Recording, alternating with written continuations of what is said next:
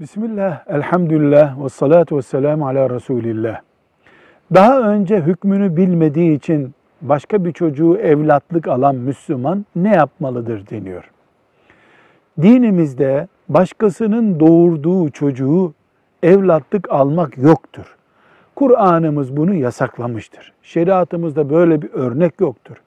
Gerek ailenin çocuğa ihtiyacı olması veya çocuğun sokakta kaldı, dışarıda kaldı, kafirlerine düşecek gibi bir sebeple muhtaç olması hangi sebep olursa olsun evlatlık almak, eve onu çocuk gibi ilave etmek yani biyolojik bağlantısı olmayan bir çocuğun veya süt bağlantısı olmayan bir çocuğun evlatlık alınması yoktur.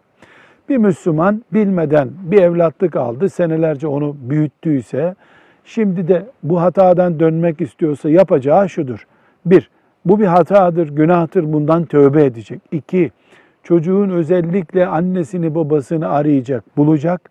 Bulamazsa, böyle bir imkan yoksa, öldü gitti akrabaları kaybolduysa çocuğun, o zaman çocuk evlat gibi değil, iyilik yapılan, çok güzel davranılan bir misafir gibi evde tutulacak.